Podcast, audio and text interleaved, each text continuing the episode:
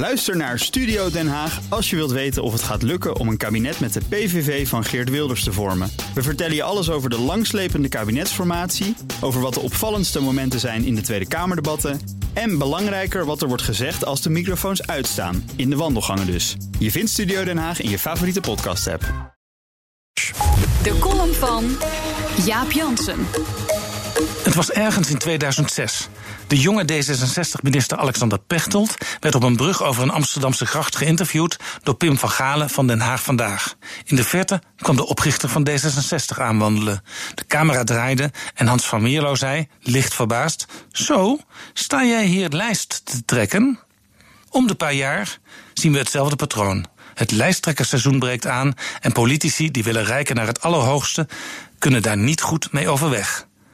Het is in onze Calvinistische cultuur nat dan voluit je ambitie te tonen. Toen ik een half jaar geleden VVD-fractievoorzitter Klaas Dijkhoff vroeg hoe het is om alom beschouwd te worden als kroonprins van premier Mark Rutte, zei hij: Laat mij die last nou maar dragen. Zo van: iemand moet het doen. Aan het begin van dit nieuwe lijsttrekkersseizoen zie ik een groot verschil tussen oppositiepartijen en die van de coalitie. Het lijsttrekkerschap van Geert Wilders staat al vast. Bij 50PLUS is een krol opnieuw voorgedragen. En ook voor Lodewijk Asscher, Jesse Klaver en Lilia Marijnissen verwacht ik geen concurrentie. In de vier coalitiepartijen is wel van alles aan de hand.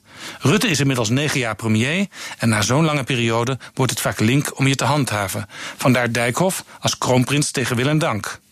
Bij het CDA hebben ze vicepremier Hugo de Jonge, minister van Financiën Wopke Hoekstra en volgens staatssecretaris Mona Keizer zijn er ook nog kroonprinsessen. In D66 maken fractievoorzitter Rob Jette en minister Sigrid Kaag nauwelijks meer een geheim van hun grote droom. Maar het hoge woord is er nog niet uit. En zelfs de kleine ChristenUnie is in het openbaar aan het toppen geslagen. Een groot vraagteken noemde Gert-Jan Segers een mogelijke prolongatie van zijn lijsttrekkerschap vorige week bij Sven Kokkelman op Radio 1. En nee, vicepremier Carola Schouten is echt nog niet bezig met de vraag wat ze hierna gaat doen. In de podcast Betrouwbare Bronnen zegt ze deze week: Het zijn grote vragen met grote consequenties voor jezelf en je omgeving. Het is altijd een groot vraagteken waarbij er op een bepaald moment een keer een punt moet komen. Pim Fortuyn had geen last van dat Hollandse wij generen ons Calvinisme. Toen hij midden in de nacht uit Leefbaar Nederland werd gezet en je zou dus zeggen op een dieptepunt was aangeland, klonk uit zijn Daimler: Vergis je niet, ik word minister-president. Hij was de beste en schaamde zich niet dat dan zelf ook maar te zeggen. At your service. Deze week zag ik een filmpje waarin Thierry Baudet in zijn favoriete auto rondjes mocht rijden over de Amsterdamse grachten. Als een verliefde puber bestuurde hij de Jaguar. Ook Thierry wil natuurlijk minister-president worden. Hoewel, het moet, zegt hij. Ik offer me op voor het land. Maar eigenlijk hou ik me veel liever bezig met boeken schrijven en zo. Zelfs Baudet ziet het dus als een opdracht. Een moetje waar je niet onderuit komt. Daarin verschilt hij dan weer niets van de door hem zo gehate kartelpolitici. De column van Jaap Jansen op bnr.nl en in de BNR-app vind je veel meer columns en podcasts.